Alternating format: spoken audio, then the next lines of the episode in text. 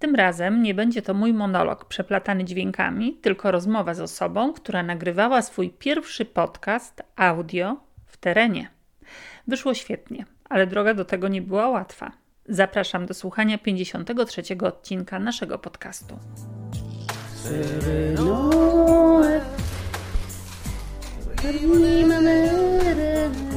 Jak nagrać to, co zdarza się pomiędzy ludźmi?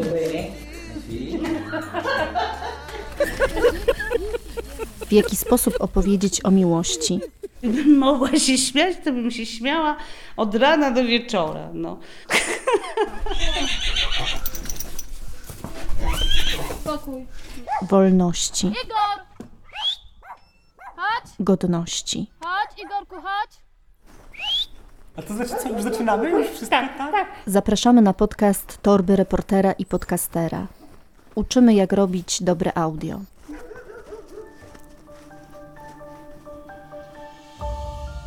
Cześć, z tej strony Hanna Bogoryja-Zakrzewska. Moim gościem jest dzisiaj Katarzyna Kobylarczyk. To dziennikarka, autorka reportaży literackich, uznana, nagradzana.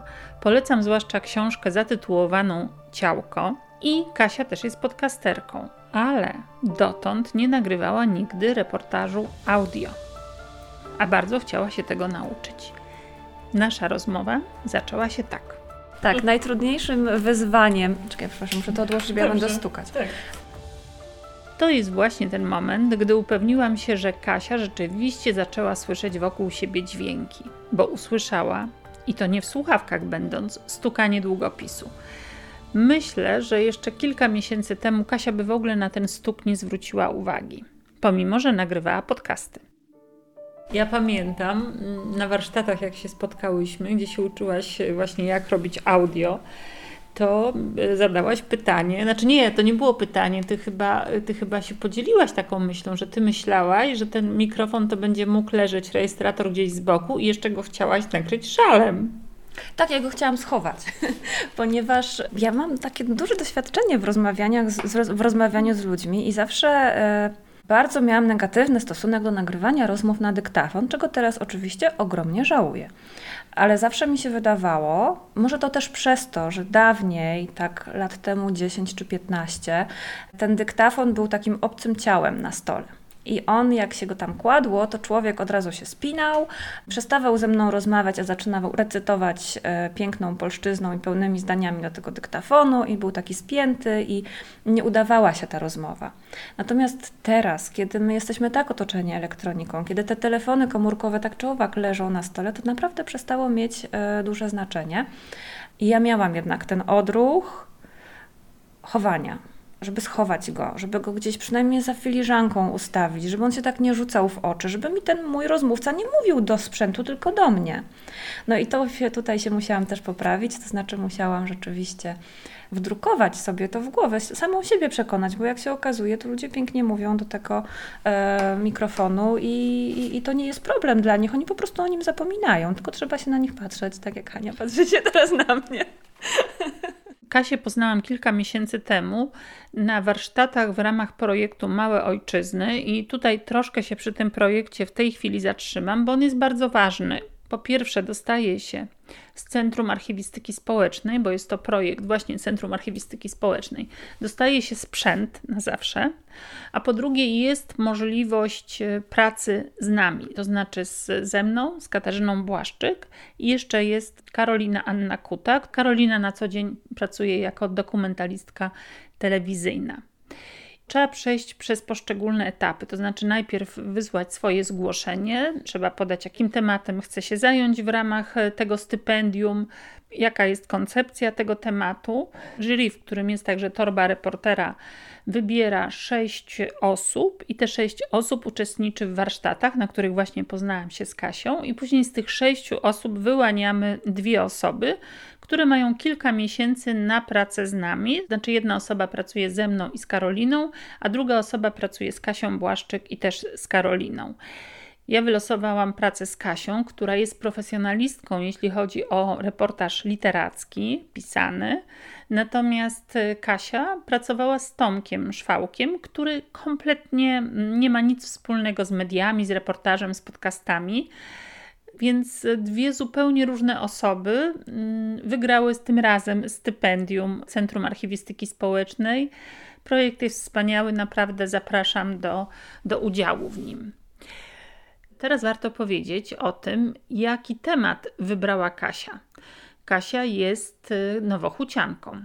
Chciałam nagrać podcast o Narodzinach Nowej Huty. Ale Narodziny Nowej Huty to jest taki slogan, e, który mm, wśród bardzo wielu, czy to historyków, czy reporterów, którzy się tym tematem zajmowali, funkcjonuje w głowach. To znaczy Narodziny Nowej Huty to, są, to jest kładzenie cegieł, bicie rekordów, prawda? To jest Orzański, przodownicy pracy, e, niech się mu rypną do góry, prawda? I to wszystko jest takie bardzo męskie. A byłam wtedy świeżo po lekturze e, książki Akuszerki Sabiny Jakubowskiej, która opisuje rodzące kobiety. To jest 800 stron o rodzeniu.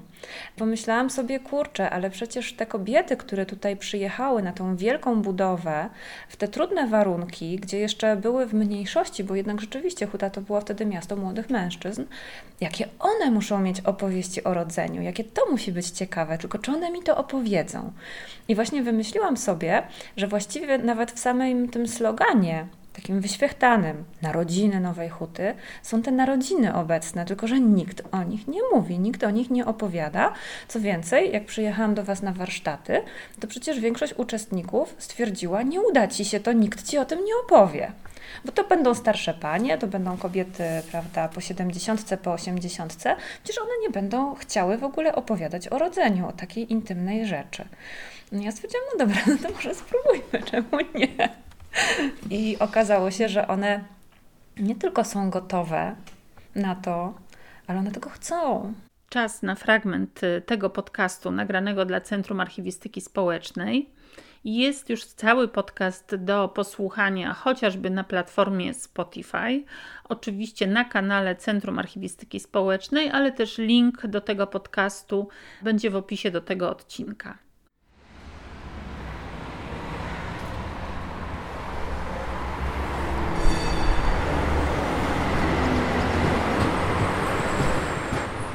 Nowa Huta to jedno z nielicznych w Polsce miast, które powstało od zera, zaprojektowane na desce kreślarskiej przez architektów i urbanistów. W latach 50. tysiące ludzi z całej Polski przyjeżdżało tu, by budować kombinat metalurgiczny i nowe miasto dla jego robotników. Kopali fundamenty, lali beton, układali cegły, przekraczali normy. Większość stanowili mężczyźni – murarze, betoniarze, spawacze, a potem hutnicy. Ale miasto to przecież nie tylko mury, nie tylko cegły i beton. Miasto to ludzie, a ludzie nie biorą się znikąd. Postanowiłam po swojemu opowiedzieć historię o powstaniu Nowej Huty. Poszłam do mieszkających tu kobiet i postawiłam je przed bardzo trudnym zadaniem. Chciałam, żeby to one wyjaśniły mi, jak narodziła się Nowa Huta.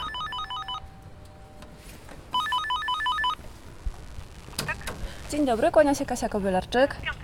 Dziękuję.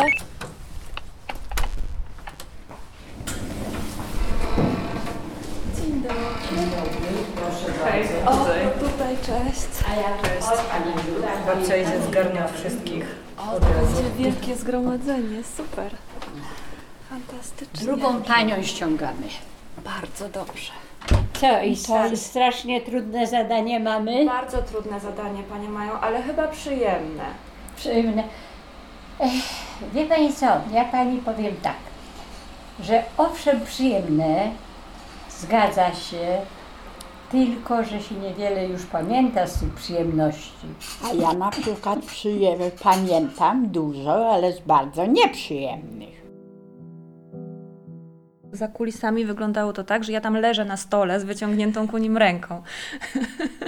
Jak to było nagrywane. No bo wszystkie nasze rozmowy były nagrywane w mieszkaniach u bohaterów i były przy stole, przy zastawionym stole. To znaczy na tym stole stały ciasteczka, filiżanki, herbata, kawa.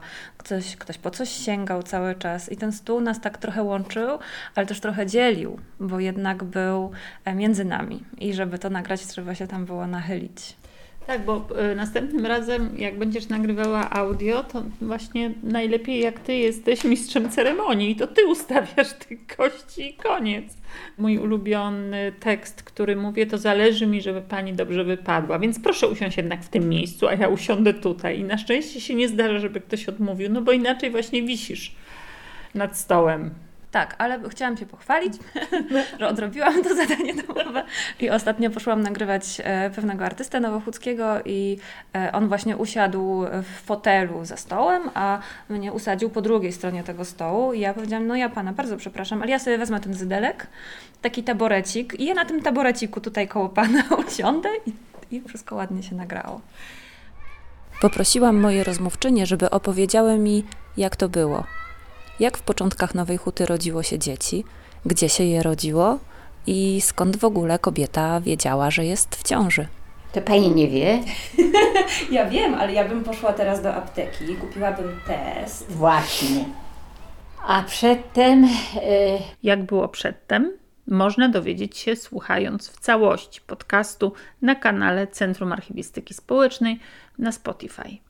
Wróćmy do kulis nagrywania tego podcastu. Najtrudniejszym wyzwaniem, jeśli chodzi o całą, absolutnie całą pracę nad podcastem, było nagranie dzwoniącego tramwaju, ponieważ miałam już kilka plików, na których miałam nad, nagrane odgłosy ulicy. Miałam też kilka plików, na których miałam nagrany przejeżdżający tramwaj, ale ten tramwaj nigdy nie dzwonił. I posuwałam się już do różnych sztuczek. Prawie wchodziłam pod ten tramwaj, żeby zadzwonił na mnie. Właściwie każde przejście przez tory tramwajowe to było przejście z dyktafonem w ręku. I wreszcie poprosiłam panią motorniczą, żeby zadzwoniła dla mnie dzwonkiem tramwaju. Ona powiedziała, że jest to absolutnie niezgodne z przepisami i niemożliwe do wykonania. I przyznam się, że dzwoniący tramwaj to jest ostatnie z nagrań w moim dyktafonie na karcie pamięci, które mam i udało się to zupełnie przypadkiem.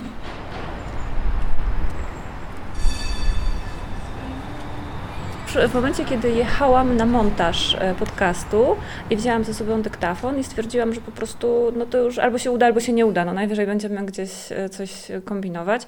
No i tak już wyjeżdżając właściwie z Nowej Huty włączyłam ten dyktafon i nagle przejechał tramwaj w oddali i zadzwonił.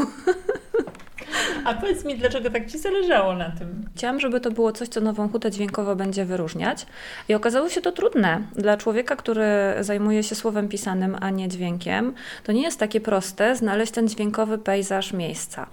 I nagrywałam z początku takie rzeczy zupełnie trywialne i oczywiste. I moim zdaniem one w ogóle nie odzwierciedlały tych, tej Nowej Huty dźwiękowo. To był jakiś właśnie ruch uliczny, tykanie um, tych um, odgłosów przy przejściach dla pieszych, to były dzieci, które się bawiły na placach zabaw albo przedszkole, jakieś szczekanie psów, e, krakanie kruków czy tam gawronów.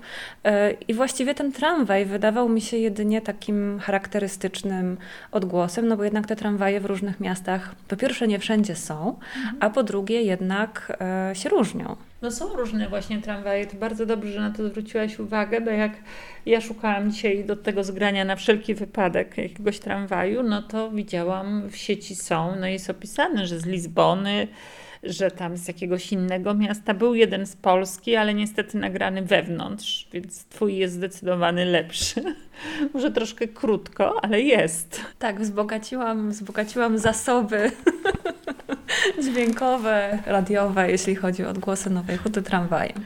No i tu muszę znowu coś wtrącić do naszej rozmowy. Kiedy prowadzę warsztaty ze sztuki rozmowy, a uwielbiam to robić, wtedy bardzo mocno podkreślam, żeby nie używać pytań zamkniętych, które na przykład zaczynają się właśnie od czy, bo uzyskuje się wtedy bardzo krótką odpowiedź zamiast opowieści. Ktoś odpowie mi tak albo nie. Pytania zamknięte z reguły zamykają rozmówcę. On po pewnym czasie nie ma ochoty nam już nic opowiadać. No ale teoria to jedno, praktyka to drugie. Ja trafiłam na szczęście na znakomitą rozmówczynię, mówię tutaj o Kasi Kobylarczyk, i dlatego choć zadałam te beznadziejne pytanie na czy, to odpowiedź dostałam znakomitą. Czy słyszysz teraz więcej? Na pewno. Na pewno słyszę więcej, bo zaczęłam zwracać uwagę na to, e, co by można, jaki dźwięk można by dodać do swojej kolekcji i kiedyś w przyszłości wykorzystać, ale też zwracam uwagę w zupełnie inny sposób niż dotychczas na to, jak ludzie mówią. Jak zaczynają zdania, to jak się pisze, można człowiekowi dorzucić ten początek albo postawić mu kropkę. O, może ta kropka jest najważniejsza, ale wychwycenie tego momentu, w którym człowiek kończy wątek, w którym stawia tą kropkę w, swoim, w swojej mowie, jest teraz takim dla mnie mm, ważnym wydarzeniem. A jak słuchałaś właśnie po przyjściu do domu tych materiałów, to o co miałaś do siebie pretensje? Bo każdy z nas ma. To nie tylko to, że wiesz, że ty po raz pierwszy się za audio wzięłaś takie duże. To każdy ma i to ma za każdym razem prawie. To u ciebie to co to było? Ja mam za bardzo rozbudowaną funkcję fatyczną i to jest nawyk dziennikarski. To znaczy, jak przychodzę rozmawiać z kimś, y, kogo proszę o, o opowieść, to staram się bardzo mocno przekazać mu, że jego opowieść mnie interesuje. I robię to werbalnie. To znaczy robię mhm, aha, tak, ma pan rację, e, śmieje się z żartów. E, no, dużo takich odgłosów wydaje, które, które potem w tym audio źle mi brzmią. I to jest też na co zwróciłyśmy obie uwagę montując, że ja bardzo często w tych e, nagraniach przyjmuję taką postawę mała Kasia dziwi się światu. Ależ cóż pan opowiada? Naprawdę tak było? Niesamowite. I to nie jest e, dla mnie już wyczuwalne, bo to, to tak się nauczyłam po prostu pracować z ludźmi, a w podcaście, w dźwięku o rany. Nie mogę sobie tego wybaczyć.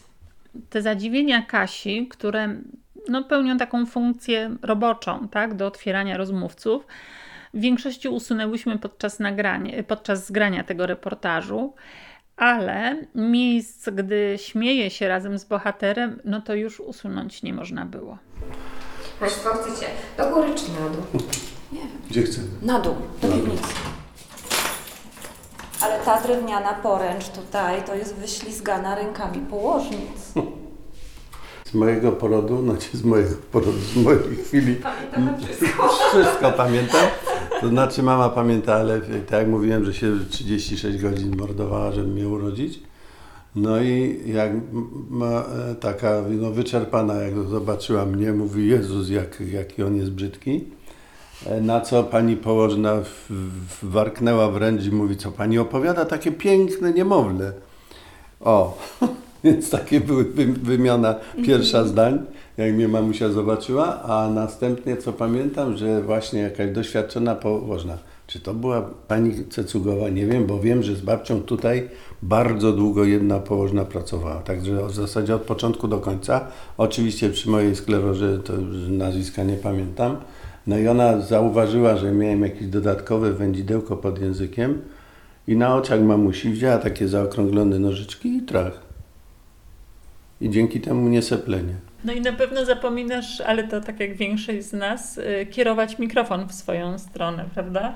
O, zdecydowanie tak. To znaczy, ciągle mi się wydaje, że to się uda zrobić beze mnie. Że ja nie będę musiała występować w tym podcaście i że uda mi się to tak zmontować, żeby mój bohater sam opowiadał o sobie i um, prowadził tą narrację beze mnie. Albo przynajmniej, jeśli ja mu pomogę, to że ja sobie to potem wytnę. I okazało się, że to się nie da tak sobie wyciąć później i jednak trzeba mówić do tego mikrofonu, bo inaczej ja tak brzmię jak za ściany na tych nagraniach. A jak myślisz, skąd to się bierze właśnie, że, że musi być ten Twój głos, że to nie jest takie proste? Myślę, że to się też bierze stąd, że e, przyjemniej się tego później słucha, jeśli to, co jest nagrane, zaczyna przypominać taką bardzo naturalną rozmowę to wtedy się robi interesujące. I no i jest bardzo trywialny powód, to znaczy łatwiej się później montuje, bo nawet jeśli rozmówca zacznie zdanie od środka albo nie wróci do wątku, o, o którym rozmawialiśmy wcześniej, to to moje pytanie, czy to moje sformułowanie, czy to moje wtrącenie jakiegoś zdania wyjaśnia słuchaczowi, co się właściwie dzieje, o czym właściwie słuchamy, jaki jest kontekst, gdzie jesteśmy, więc to jest bardzo potrzebne. No, miałaś takich właśnie pewnie wyzwań dużo związanych y, z tym, że musiałaś pamiętać o tym sprzęcie. Jak ci z tym było? Ja oczywiście byłam bardzo zbuntowaną e, uczennicą e, Hani i Karoliny i Kasi. Byłam super zbuntowana i mimo, że one na samym początku powiedziały, że mam obowiązek nagrywać w słuchawkach, to ja stwierdziłam, że nie, to na pewno nie jest aż taki straszny obowiązek, a to na pewno się da zrobić bez słuchawek, po co mi te słuchawki? I rzeczywiście pierwsze materiały nagrywałam bez słuchawek. Jeden udało mi się cudem nagrać y, dobrze i nie było tego słychać, ale potem to bardzo szybko wyszło i zaczęło pokutować, że ja nie słyszę tego, że na przykład e, przejechała karetka i zagłuszyła słowa mojego bohatera, albo że rozszczekał się pies, albo że coś jest brzydko po prostu, albo na przykład zahałasował telefon. To było najgorsze, że ten telefon ktoś zostawił wyciszony, a on się połączył z siecią i zrobiło się takie trt, trt, trt, trt i zniszczyło świetną anegdotę. No. Więc tak, karnie chodzę w słuchawkach już teraz. Przy, y, tak, y, pokajałam się i już wszystko zrozumiałam, uznaję swój błąd. Co myślałaś sobie przedtem o języku audio? Czy miałaś takie myśli jak my, że dziennikarz prasowy, reportażysta, książkowy to ma lepiej niż my, bo sobie napisze, dopisze, dośpiewa, a my to nic nie możemy? Nie, no ja myślałam, że jest dokładnie odwrotnie. Oczywiście, że tak. Ja y, pamiętam, jak będąc y, reporterką taką miejską w Krakowie. Chodziłam na konferencje prasowe na przykład albo na różne wydarzenia e, i my, reporterzy, prawda, z tymi notesami pieczołowicie tam notujemy, szybciutko skrobiemy e, w kajeciku, żeby zapamiętać, co ktoś powiedział e, i potem mu musimy z tym jechać do redakcji. W redakcji musimy usiąść do tego komputera i teraz dopiero napisać temu panu rzecznikowi, co on tak naprawdę powiedział, jakąś ładną polszczyzną.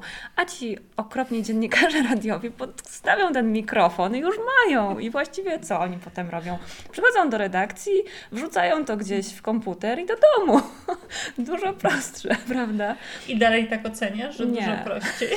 Spędziłam takie ilości godzin nad tym, e, nad tymi nagraniami, że nie, absolutnie już tak nie uważam. I e, muszę powiedzieć, że kiedy siedzę i piszę, to przeklinam to pisanie i marzę sobie o tym, kurczę, a mogłabym to mieć nagrane i nawet jakby było trochę niegramatycznie, to by nie było na mnie, tylko na rozmówcę. A potem siadam do montowania tego podcastu i myślę sobie, kurczę, ale bym sobie to ładnie napisała. I nie miałabym żadnego problemu z tym, że ktoś mówi niegramatycznie, bo bym mu poprawiła. Ile miałaś nagrań właśnie? No myślę, że gdzieś koło 10 godzin w sumie. No i jak, jak, jak ty sobie poradziłaś z taką ilością materiału? No bo to jest tak, że jakby to był wywiad, no to jest o wiele prościej, prawda? Nawet godzinę zrobić z tego 15 minut. A tu miałaś bardzo różne rzeczy i pewnie szybciej się e, w słowie poruszasz, prawda? Bo tu trzeba mieć też pamięć słuchową, żeby było szybko. Oj tak, to była, mo, to była droga przez mękę, bo miałam... Y ja zastanawiam się teraz, czy gdybym to miała pocięte na krótsze kawałki, byłoby mi prościej, ale miałam, ja operowałam na tych długich nagraniach, więc miałam na przykład dwie godziny nagrania i to jest rzeczywiście tak, jak Ty robiłaś przed chwilą, to znaczy ja się musiałam ich nauczyć na pamięć, mhm. więc ja ich słuchałam i słuchałam, wstępnie sobie tam gdzieś docinałam, cięłam na jakieś krótsze kawałeczki, nazywałam je, ale one mi się potem nie chciały sklejać za bardzo, tak. więc tak, musiałam się uczyć ich na pamięć i żeby dobrze wiedzieć, co gdzie jest i, to, i móc tym potem żonglować, bo to o to chodzi, mhm. żeby stworzyć tą historię, historię, ten scenariusz, no to trzeba e, wyciąć trochę stąd, trochę stamtąd, to zamienić, to poprzestawiać. Początek nagrania idzie na koniec, koniec idzie na początek, prawda? Tu jeszcze ktoś się wtrąca. To było bardzo trudne i to rzeczywiście wymagało. Ja w ogóle nie zliczę godzin, ale ja na tym spędziłam, ale mnóstwo ich było. Bardzo dużo. I ja chyba rzeczywiście, ja sobie na przykład, nie wiem, czy powinnam przyznawać, y, część z tego sobie w ogóle spisałam, bo stwierdziłam, że może wtedy mi będzie prościej, że jak sobie to potnę na, na papierze, to, to sobie ułożę. I sprawdziło się? Nie. Nie zgadzał się klimat, nie zgadzał się ton głosu, nie, nie, nie zadziałało. A powiedz mi, jak to było z tymi rozmówcami, bo to, co też jest E, taką wielką zaletą tego podcastu, to jest właśnie to, co powinno być w każdym podcaście, ale niestety tak nie jest, to znaczy malowanie słowem. Obie się tutaj zachwycałyśmy, jak ci ludzie opowiadają, że to są obrazy, że my to wszystko widzimy, oni jeszcze modulują głosem, robią pauzy, ściszają, mówią głośniej, no po prostu kapitalnie. To wszystko brzmi. Myślę, że miałam szczęście trafić na osoby, które naprawdę pięknie mówią. I ja jestem absolutnie zakochana w pani Halinci i w pani Stasi, które no, zrobiły ten podcast. To jest ich podcast, to jest w ogóle ich zasługa. I one opowiadały pięknie od samego początku do samego końca. Od samego początku, to znaczy od tego momentu, kiedy ja przychodzę i pytam, pytam pani Stasi, skąd się biorą dzieci. I ona mówi, to pani nie wie? I, e, no i one po prostu potrafiły opowiadać. Nie wiem, czy to jest kwestia wieku, doświadczenia, wychowania w innej kulturze, takiej bardziej może kulturze słowa, polszczyzny, ale one po prostu wspaniale opowiadają. E, ja oczywiście prze, przerobiłam na sobie mm, naukę zadawania pytań otwartych. Wydawało mi się, że to będzie proste, ale to nigdy nie jest proste. E, ale no tutaj miałam szczęście, że one rzeczywiście przepięknie opowiadały. I to był czas, co wcześniej była zaraza na porodówce i kilkoro dzieci zmarło. I jak ja byłam z Żanetką, nie wolno było żadnych odwiedzin, nie wolno było nawet leku. Mnie trzeba było jakiś lek, to mąż załatwił i pan ordynator się zgodził i sam wziął ten lek i przyniósł lek, bo coś a tak nic, nic nie wolno było podać. No ale i z jedzeniem, no bo to tam było dość dużo tych ludzi. No ale mój mąż, no jak to mąż? To jest niemożliwe, żebyście wy nie miały do jedzenia, macie karmić. Załatwił reklamóweczkę, do reklamóweczki jedzonko, sznureczkiem. I wciągał, która chodziła, wciągała do góry i mieliśmy, i wszystkie, ja wtedy częstowałam, żeby to wszystko zjeść i z powrotem te resztki, co były, siatka, wszystko na dół, bo była codziennie kontrol, ordynator, czy nie przynosi się coś do tego. A my nic, cisza. Znaczy ja wiem, że to Twoje doświadczenie reporterskie oczywiście robi, ale muszę to podkreślić, yy, właśnie to, że nie ma tam zbędnych słów. To jest coś, co ja bardzo sobie cenię, dlatego że Ty jako reportażystka prasowa wiesz, jak język jest ważny. I w audio tak samo jest ważny tak naprawdę, a mam wrażenie, że dużo osób tego nie docenia, bo nie wie po prostu. To jest e, olbrzymia e, sztuka eliminacji. Mhm. Tam wszystko musi być ważne, bo ten czas, na który jesteśmy w stanie przykuć e, naszego odbiorcę, słuchacza, on jest limitowany i trzeba bardzo go szanować, więc tylko to, co, tylko najkrwawsze mięso wchodzi. Najgorsze było, proszę panią, te krótkie Koszulki. Takie koszulki, cały tyłek na wierzchu i tak wszystkie panie, to było tak poniżające, e, tak w tym, że ja nie wiem kto I to była, wymyślił. Była lignina. Lignina, wisiało to i chodziło całe zasypane. I cały pokój. Tragedia. Począwszy od tak, łóżka, tak. skończywszy na, na progu, zasypana ligniną. ligniną. Straszne, to było bardzo poniżające, wręcz uwłaczające. Nie odechciało Ci się w takim razie montować podcasty, jak się tyle napracowałaś? Jest olbrzymie piękno w tym, jak ludzie opowiadają. I ja bardzo żałuję teraz, że nie mam nagrań e, ze starych swoich rozmów z rozmaitymi ludźmi, e, z których brałam tam jakiś fragment do reportażu, a resztę zostawiałam w notatkach. No i tych notatek, prawda, albo już nie mam, albo nawet jeśli mam, to już one są nieodcyfrowywalne więc bardzo tego żałuję, że ich nie mam i teraz już wszystko skrupulatnie nagrywam w jak najlepszej jakości i ze słuchawkami. To znaczy jest to trudne, nie, nie będę kłamać, jest trudne, jest żmudne e, i trzeba posiedzieć do nocy i rzeczywiście ilość godzin, którą się nad tym no, ja powiem tak. Przyjechałam dzisiaj do Hani montować zmontowany już y, podcast, Przygotowany do realizacji brzmienia tak zwanego. Tak, i, i spędziłyśmy nad nim ile już? 8 godzin? Tak, ale to nie koniec. No właśnie.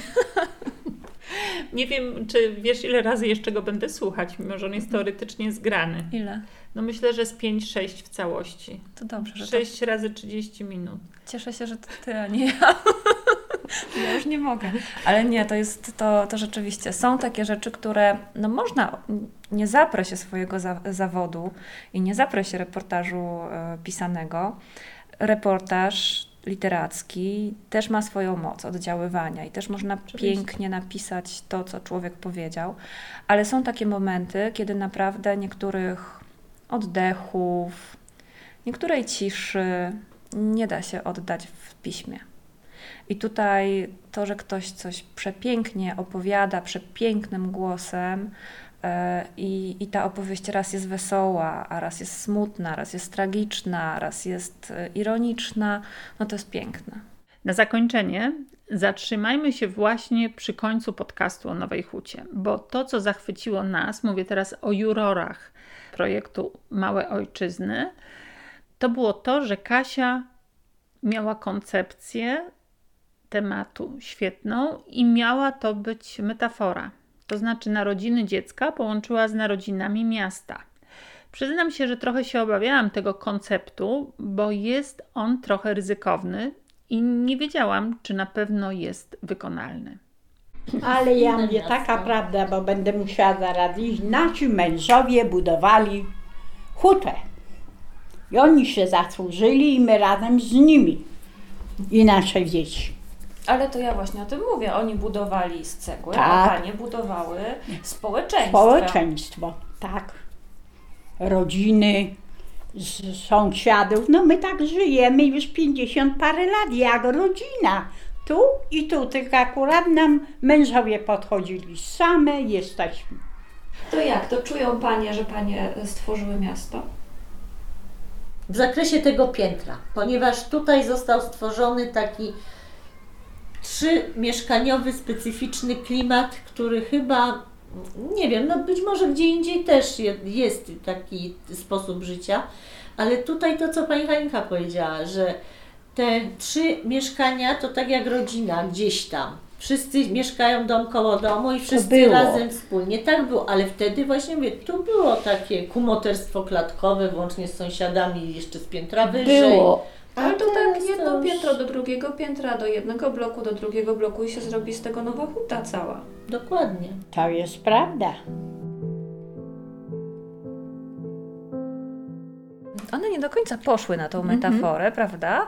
Ale bardzo mi się podobało, jak one w pewnym momencie mówią, no dobrze, no tak jakby już się tak godziły trochę, no dobrze, no jak niech już pani będzie, że myśmy zbudowały, ale myśmy zbudowały na poziomie klatkowym. To tak bardzo ładnie e, jest sformułowane, na poziomie klatkowym, to znaczy one poczuły, że one rzeczywiście coś zbudowały, ale to było takie małe, taką małą komórkę, już nie rodzinę, tylko klatkę schodową, prawda?